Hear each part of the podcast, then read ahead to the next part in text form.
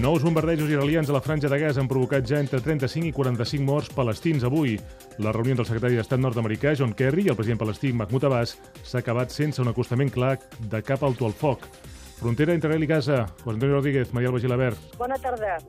Els atacs israelians d'avui sobre la franja de Gaza han fet entre 35 i 45 morts, segons les fonts.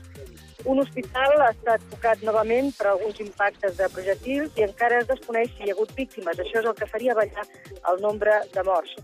Fons militars israelianes ens asseguraven aquesta mateixa tarda que no ataquen objectius civils i que quan es veuen afectats per les explosions és sempre de manera accidental i col·lateral.